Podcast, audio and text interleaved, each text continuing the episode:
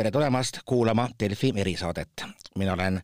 Eesti Päevalehe ajakirjanik Krister Paris ja mul on väga hea meel tervitada enda vastas Maris Heldrandi, noh, enda vastas ses mõttes siis üle, üle internetilingi, kes on üks nendest inimestest, kes on vist enam-vähem kõik nädalavahetused pärast seda, kui moodustus eelmine valitsuskoalitsioon, käinud alguses Toompeal, pärast superministeeriumi ees meelt avaldamas. muidugi vist mitte päris kõik nädalavahetused, et, et kui oli eriolukord, siis tuli vahele jätta või kuidas seal ikkagi selle asja lahendasite? ja ma parandan sind kõigepealt mitte nädalavahetused, vaid neljapäevad. neljapäevad, just, just, jah. ja Äh, jah, eriolukorra ajal äh, jätsime päris äh, pikalt vahele, et ikkagi siis arvestada neid koroonapiiranguid, et aga kui kokku koos nii-öelda lisaaktsioonidega, lisaks neljapäevadele, mida me korraldasime, sai kaheksakümmend kaheksa protestipäeva nii, nüüd siis see kokkuvõttes koalitsioon kukkus mitte võib-olla küll selle partneri läbi, kelle pihta ehk olid kõige rohkem või kelle tegevuse tõttu need protestid olid vallandunud. no aga ikkagi, no mis tunne oli, kui küsida spordireporterite keeles? Päris ausalt oli tunne, et õhk sai järsku puhtaks. Ja natuke tühi tunne ka, et näed, neljapäeval tekkis nii palju vaba aega ootamatult, et äh, aga no eks selles mõttes äh, äh, oli see muidugi üllatus, et see pauk sealt tuli, et äh, nüüd Mihhail Korb ja Kersti Kracht ise selle asja seal ära sehkendasid kenasti, aga noh, samas nende kaheksakümne kaheksa korra jooksul kakskümmend kaks kuud põhimõtteliselt oli ju ka meile endale selge, et ega siis see väike tänavaprotest seda koalitsiooni ei kukuta, et valitsused ikkagi lagunevad sisemiste pingete või mingisuguste teiste probleemide tõttu, et mitte, mitte tänavaprotesti tõttu. no just, aga kuidas tunned, kas oli mingisugust noh, kasu ikkagi ka, et, et tulid ministrid tööle, vaatasid otsa, võib-olla mõni läks natuke näost punasemaks? ja seda kindlasti, et selles mõttes see oligi ju äh,, kuidas see algas, kaheksateist märts, esimene esimene kord oli see, et äh, äkki hakkasid ootamatult need koalitsiooniläbirääkimised, neid hakati pidama Stenbocki majas. õhtune AK algas sellega, et äh, kaabudega ja pikkade mustade mantlitega onud saabuvad Stenbocki majja ja see pilt normaliseerus väga kiiresti, et sellele kõrvale ikkagi näidata, et äh, see ei ole päris normaalne maailm, mida kõik äh, valijad ootasid ja mida Eesti inimesed peaksid aktsepteerima, et siin on ikkagi teistsugune arvamus ka olemas, sellepärast, sellepärast me seal ju hakkasime alguses käima ja tegelikult äh, jah, selline natukese ka iseenda hirmude ületamise äh, moment, et sa ikkagi lähed samasse ruumi, ka tänavaruumi nende inimestega, kelle, kelle maailmavaatega sa ei nõustu absoluutselt. Ja eks seal oli selliseid äh, sõnelusi ja ütlemisi alguses siiski, eriti teatud kahe ministriga ja siis teiste puhul tõepoolest, et äh, Tanel Kiige nägu läks ikkagi iga nädalaga hapumaks ja piinatumaks, et temast võis olla ju lausa kahju, aga ega siis äh, noh, mis inimene ise endale korraldab, siis peab ka kahjuks seda suppi helpima, nii et selles mõttes oli see jah, see nii-öelda tänaval nendega kohtumine ikkagi nagu äh, selline võimestav tunne. Ja teine pool sellest oli see, et, äh,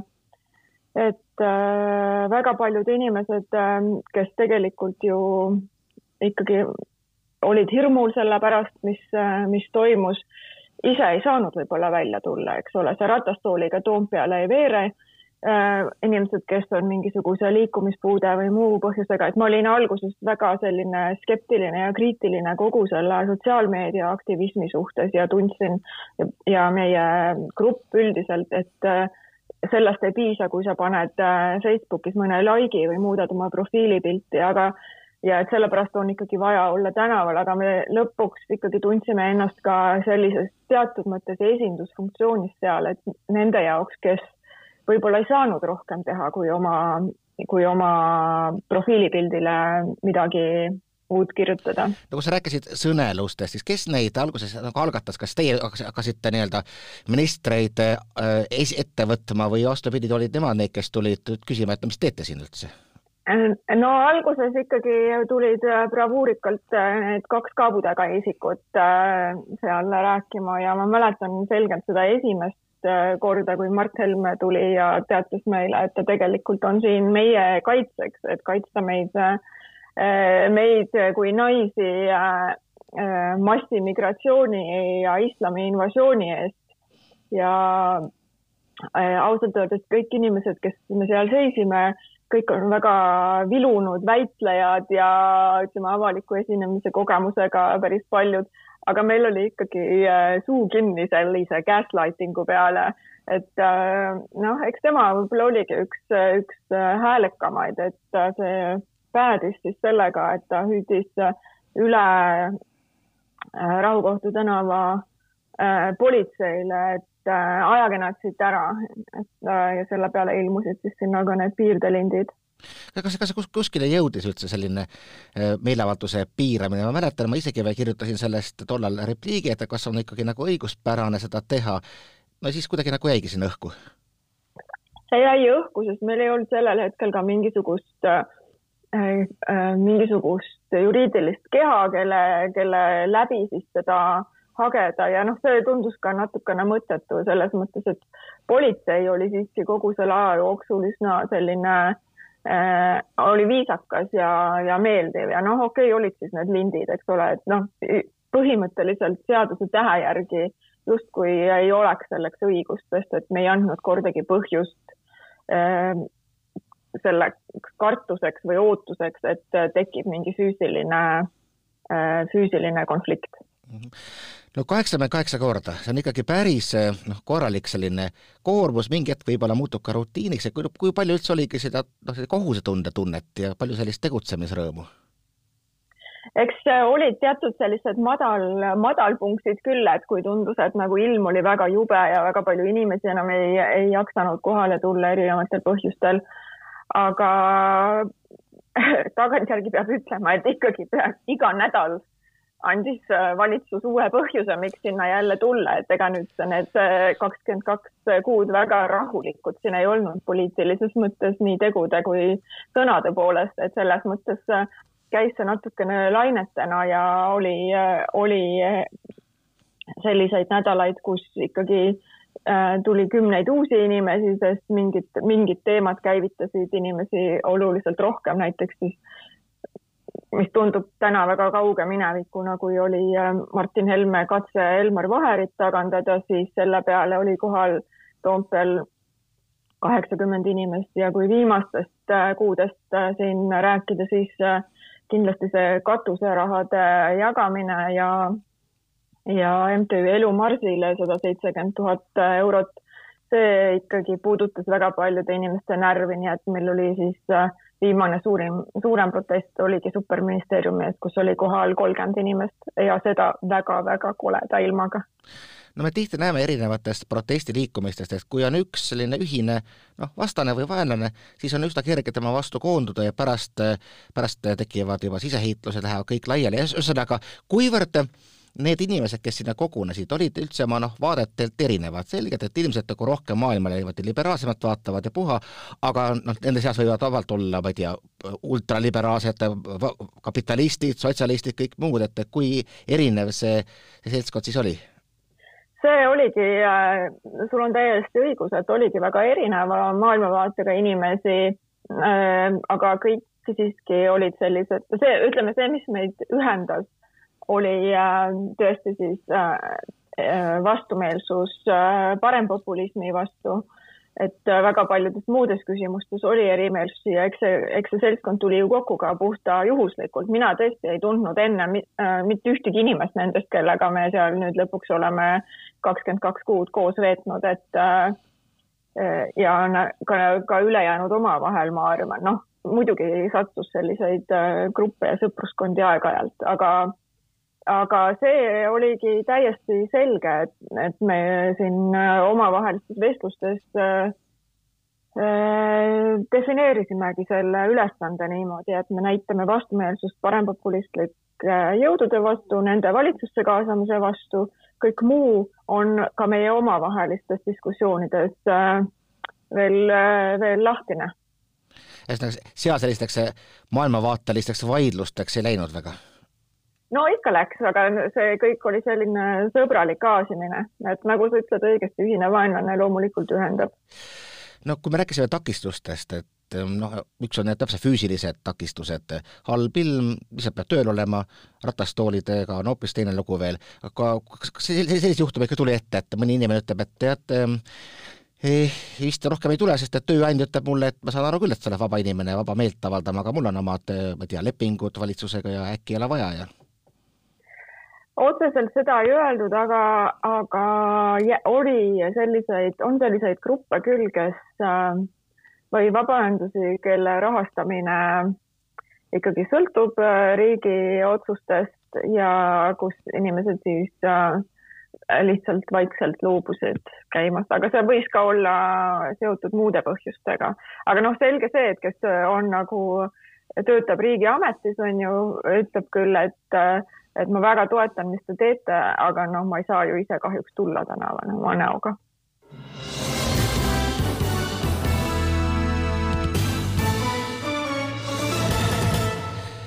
aga vaatame nüüd natukene laiemalt edasi seda, et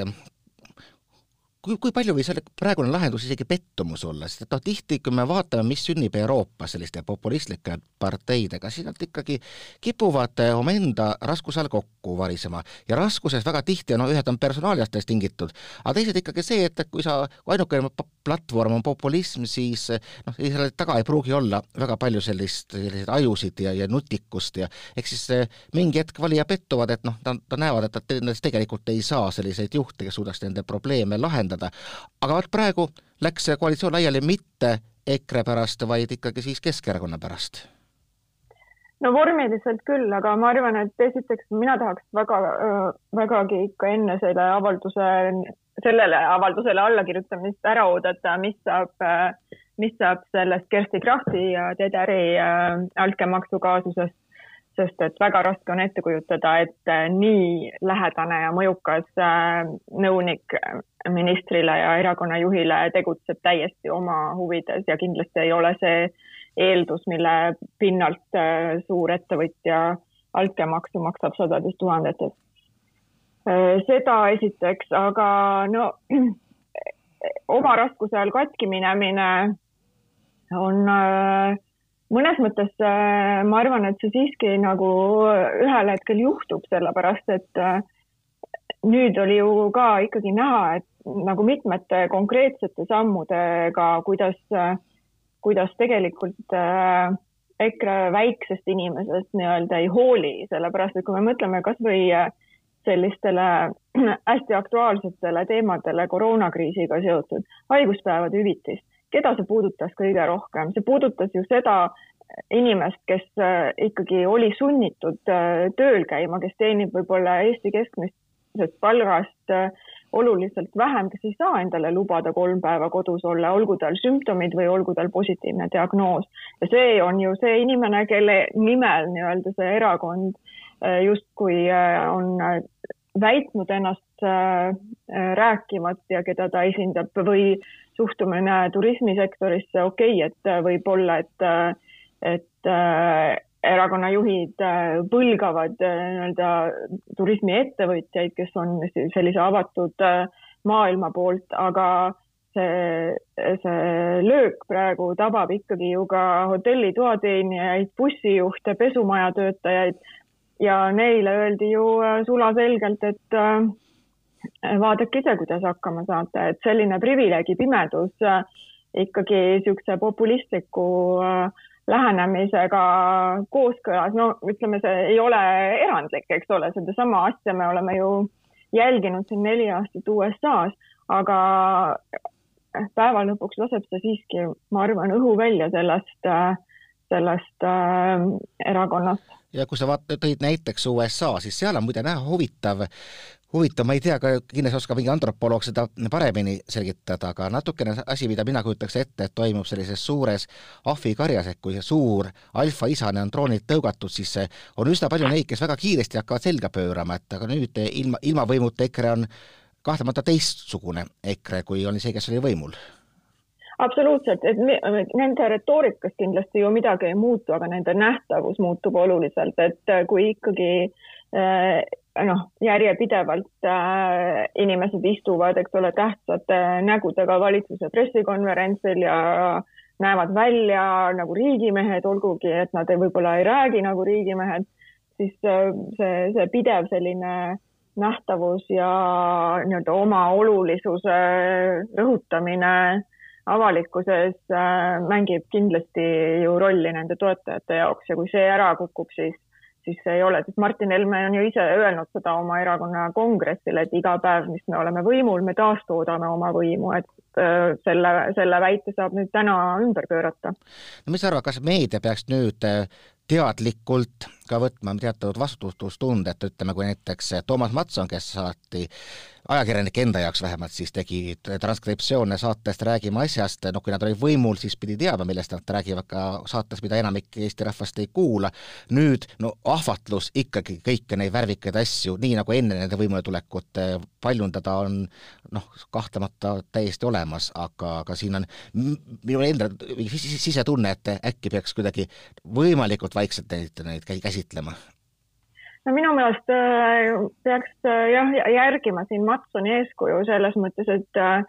kahe aastaga on ühiskonda ikkagi nii palju lõhutud ja katki tehtud ja selleks, et me siit kuidagi nüüd tervemõistuslikult edasi minna saaksime, siis inimese nagu lihtsalt tähelepanuvõime ja vastuvõtuvõime äh, taluvuspiir on äh, mingis mõttes ületatud, et äkki ei, äh, ei risustaks seda selle müraga. loomulikult on vaja seda võib-olla jälgida, sest et noh, kui seal ikkagi kõlavad oma, oma toetajatele üleskutsed relvi haarata või midagi taolist, et et siis on ju hea, kui vähemalt süvariik seda, sellel silma peal peab, aga, aga kindlasti on hea idee seda, selle paljundamist äh, Äh, lõpetada, sest me vaatame ka jälle USA-s, eks ole, mis on juhtunud peale seda, kui äh, Trumpi Twitter ja Facebook kinni pandi. Trumpi toetusnäitajad on langenud madalaimale tasemele äh, Ameerika ajaloos, Ameerika presidentide ajaloos üldse kahekümne üheksa protsendi juurde. et sellist, see, see mõju või see efekt on olnud ikkagi väga vahetu ja väga otsene ja väga kiire no aga noh, nagu, nagu rääkides ikkagi sellest inforuumist, mis seob paljuski selle, selle erakonna liikmeid, siis noh, ma vaatasin ka ise natukene kommentaare erinevatele artiklitele, mis tulid, harilikult kommentaari ei loe, aga seekord ikkagi vaatasin, mis siis nagu tunnetus on. ja tegelikult see oli natuke murettekitav, et see tunnetus, mis nendest kommentaaridest väljendus, oli ähm,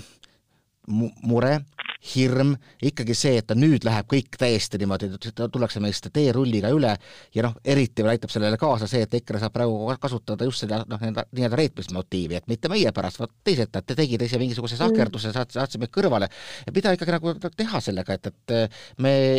me ei saa seda infomulli, mis meie kõrval elab, eh, ka lõpuni ignoreerida, minu meelest, kas sa olid eile vist saates Samost ja Silda, mis tõi ka näite, et kui tegelikult oli väga kasulik omal ajal vaadata eh, saadet Meedia Keskpunkt, et tundus küll uskumatu, mis juttu aetakse, aga pidi aru saama, et seda kannab päris märkimisväärne hulk elanikkonnast no ja, aga äh, lõppkokkuvõttes, mida me selle teadmisega peale hakkasime, me teadsime, mis seal räägitakse, me teadsime, et see, see maailm äh, on äh, hullu, hullumeelne paralleelreaalsus, aga meil ei olnud siiski mingisugust vahendit vältimaks selle maailma võimu juurde pääsemise, pääsemist. et selles mõttes kindlasti on vaja sellel silma peal hoida ja loomulikult see reetmise motiiv ja Äh, on ju ka järjekordselt üks-ühene koopia tegelikult äh, USA-st. Äh, et ega siin midagi uut ei ole ja noh, ma, ma olen ise siiski ka päris palju suhelnud selliste tuumikvalijatega sealt paralleelreaalsusest ja ma kardan, et ne, neid ei ole võimalik ümber veenda mitte millegagi et äh, see, las olla, et iga, sest noh, me teame, eks ole, meediateooriast, et iga ümberlükkamine siiski ka võimendab ja kinnistab seda valeväidet. ehk äh, seetõttu peakski olema väga, väga napp nende teemade ja nende väidete käsitlemisega ja lihtsalt, lihtsalt jääda ikkagi selle tegeliku, tegeliku reaalsuse kirjeldamise juurde ja seda teha nii võim- või nii võimsalt kui võimalik. no neid ei ole võib-olla võimalik veenda, aga küll on neid võimalik mobiliseerida, no teie andsite nüüd natuke eeskuju tänavapoliitikaks, aga tänavapoliitika võib olla ka hoopis, hoopis teistsugune, nagu me nägime praegu Kapitooliumil, no oleme näinud mõnedes teistes maades. Ukrainas, noh, ütleme Savisaar, Edgar Savisaar kunagi ütles, et tegemist on kaikameestega, kes sealt kukutasid valitsuse. Valgevenes no näis, kuhu, see kõik välja jõuab, et siis tänavapoliitika võib olla ka märgatavalt sellisem äh, jõulisem ja veelgi nähtavam ja me oleme näinud ju kas või erinevates nendes äh, uhkete leeklampidega rongkäikudes võimekust seda kõike organi-, organiseerida, et mis sa nüüd arvad, kas me näeme sellist enda siis mm, peegelpilti sellest, mis oli kaheksakümmend kaheksa äh, nädalat äh, teie poolt? no kui siis kõverpeeglit, aga ja eks seda, seda välistada ei saa, oleneb, mis siis, mis siis siin nüüd toimuma hakkab, aga ja ütleme, kindlasti on äh, EKRE-l väga suur äh, selline ka tehniline mobiliseerimisvõimekus ikkagi erakonnal on äh, rahalisi vahendeid tuua inimesi bussidega ja, ja korraldada selliseid asju, et ja, ja selline süva või tõsimeelsete toetajate pühendumus ja valmisolek on kahtlemata väga suur ja neil inimestel on tihti ka palju vaba aega, aga. Mis siis ikka, niikaua kui see ei lähe vägivaldseks ja politsei sellega toime tuleb. oled sa, oled sa üldse näinud, et, et kuida-, mis suunas on võib-olla Eesti ühiskond üldse muutunud, kui asi puudutab sellist noh, tänavapoliitikat, me teame, et meil ei ole seda eriti kombeks nagu hea kolleeg kunagi ütles, et Eesti selline korralik äge meeleavaldus on nagu, nagu Vene matus. no aga kui on ühiskonnas nii palju pingeid ja puha, siis võiks nagu eeldada, et et ka, ka nii-öelda enese nähtavaks tegemine muutub tugevamaks, aga, aga oskad sa üldse öelda, kas on mingisugust dünaamikat olnud selle suuna pealt näha? tead, ma arvan, et äh, nagu selline keskmine tavaline Eesti inimene on äh, nüüd sellest äh, märulist ja mäsust nii tüdinud, et, et ikkagi inimese niisugune massiline tänavale tulemine ei ole väga tõenäoline ja väga lihtne. võtame kokku siis, mis sa arvad, kas, kas riik tegi mingisuguseid järeldusi, noh, kui oli eriolukord, siis tundus küll, mõnes mõttes üks kõige jaburamaid piiranguid oli meeleavalduste keelamine ka juhul, kui seda järgiti eh, mitte isegi täht-tähelt, vaid suure vahemaaga veel neid kõiki reegleid, mis oli ette nähtud, ja tundus, et see nagu läheb ilmselgelt eh, sellise demokraatliku riigikorra riivesse. Eh, noh, nüüd praegu midagi sellist enam enam piiratud ei ole, noh, pole ka eriolukorda, aga, aga siiski, kas kuidagi jõudis ka kuskile kõrgema kohale, et astuti samm võib-olla liiga kaugele ei, seda ma ei usu, tegelikult kehtib ka praegu äh, kogunemispiirang, et võib ainult koguneda kümne inimese kaupa ja siis järgides kaks pluss kaks reeglit, nii et äh, mm. see on, äh, see on jätkuvalt alles ja ma arvan, et riik ei ole, ei taju seda kui sellist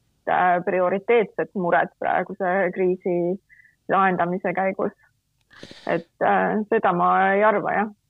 nii, aga teie olete siis nüüd nii-öelda permanentselt valvel, et kui tuleb jälle selline sügavalt inimõigusi või, või muid taolisi äh, fundamentaalväärtusi riivav äh, initsiatiiv, siis on, olete kõpsti tagasi seal, kus, kus vaja? no me oleme kindlasti valvel ja noh, fakt on ju see, et nende kahekümne kahe kuuga on ikkagi Eesti äh, avalikus ruumis seda Overtoni akent kõvasti paremale nihutatud ja nüüd on vaja äh, teha see avatud Eesti ja liberaalse Eesti hääl jälle nähtavamaks ja valjemaks, et see kõik need, kõik need äh, lammutustööd, mis siin on toimunud, ei kadunud ju ära eelmise nädalaga, vaid äh, siin alles äh, töö algab aitäh, Maris Heldrand, kes oli üks nendest peamistest inimestest, kes aitas kokku tuua neljapäeviti meeleavaldusi seni olnud valitsus, või tegelikult praegugi ametis oleva valitsuse koalitsiooni vastu. mina olen Eesti Päevalehe ajakirjanik Krister Paris, aitäh kuulamast!